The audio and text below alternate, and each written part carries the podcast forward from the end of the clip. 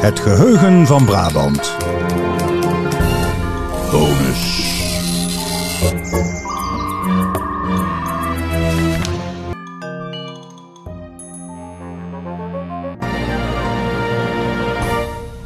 Je luistert naar een bonus bij onze aflevering Hoe waar het vroeger? Brabantse gewoontes en tradities.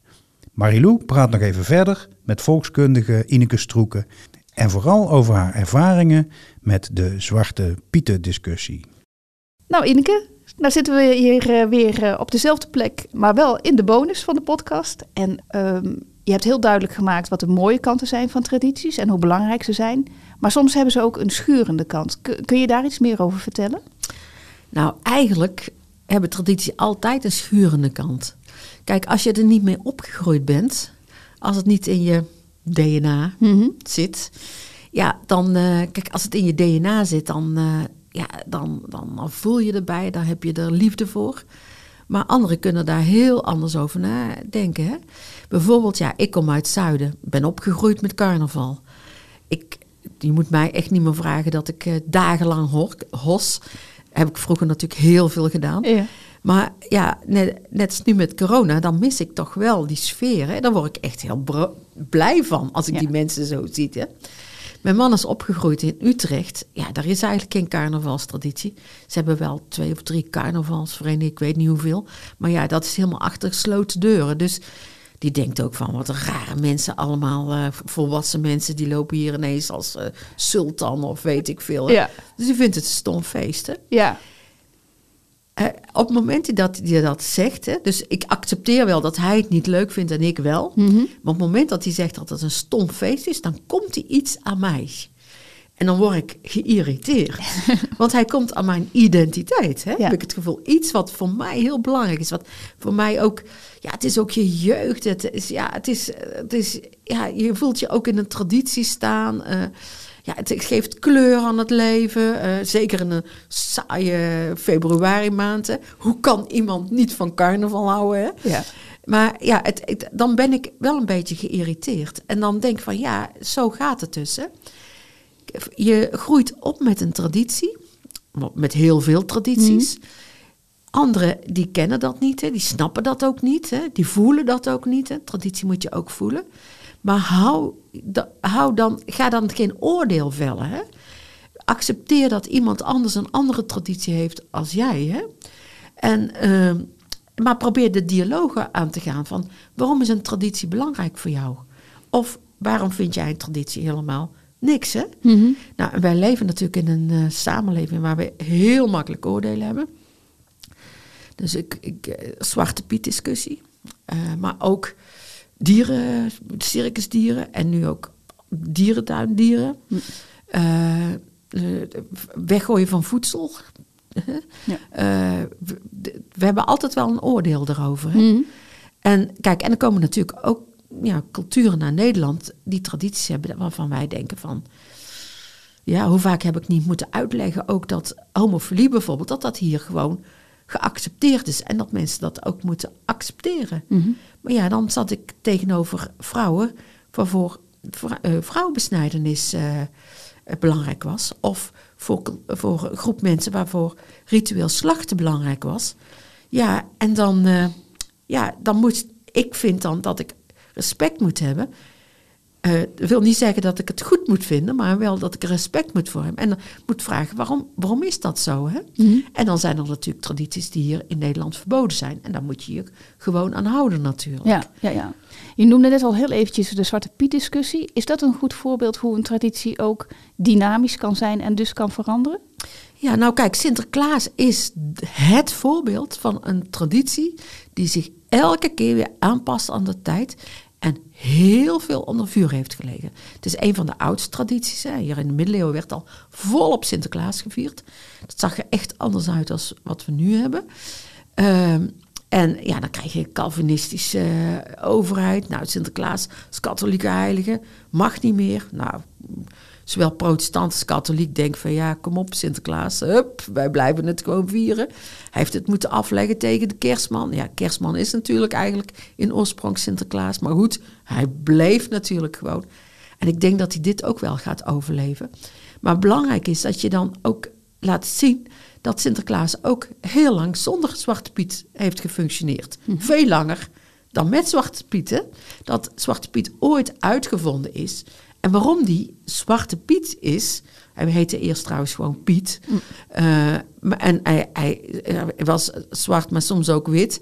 Maar hij was gewoon een heel bijzondere man. Want die kenden wij toen in Nederland niet zo. Hè? Eh, maar goed, wij, wij er zijn nou ja, heel veel donkere mensen. We hebben heel veel culturen. Dus het is logisch dat de, het gevolg van eh, Sinterklaas ook verandert in een super diverse eh, gevolg. En bovendien had hij vroeger Romeinse soldaten, middeleeuwse jonkvrouwen, eh, noem maar op, had hij bij zich. Hè? Dus ja, Daar hoor je En- nooit meer iemand over. Waar Nee. zijn die nu? Nee, en kijk, Zwarte Piet was vroeger een man.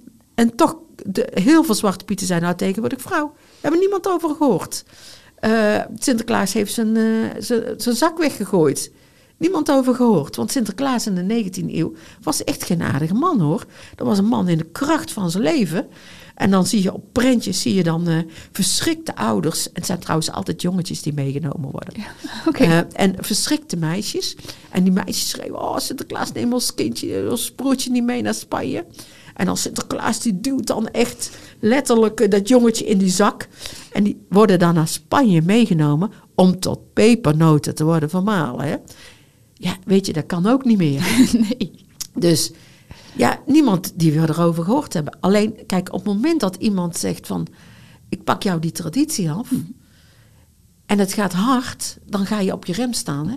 En nou, dat zagen wij, want wij, we hadden, wij waren al heel lang bezig met... van dat Zwarte Piet moest veranderen. En hoe gaat dat dan? Niet meer krom praten. Geen ringen in de oren meer, geen kroesharen. De, Sinterklaas is geen knecht meer, of, Zwarte Piet is geen knecht meer van Sinterklaas. Maar de manager van Sinterklaas. Sinterklaas wordt ouder, Zwarte Piet wordt, eh, die, die, die wordt eh, ja, die, digitaal en zo, weet je wel. Maar ja, op dat moment met die weerstand, ja, toen zag je gewoon dat het ging stilstaan. Hè? Dat twee kampen tegenover elkaar kwamen te staan.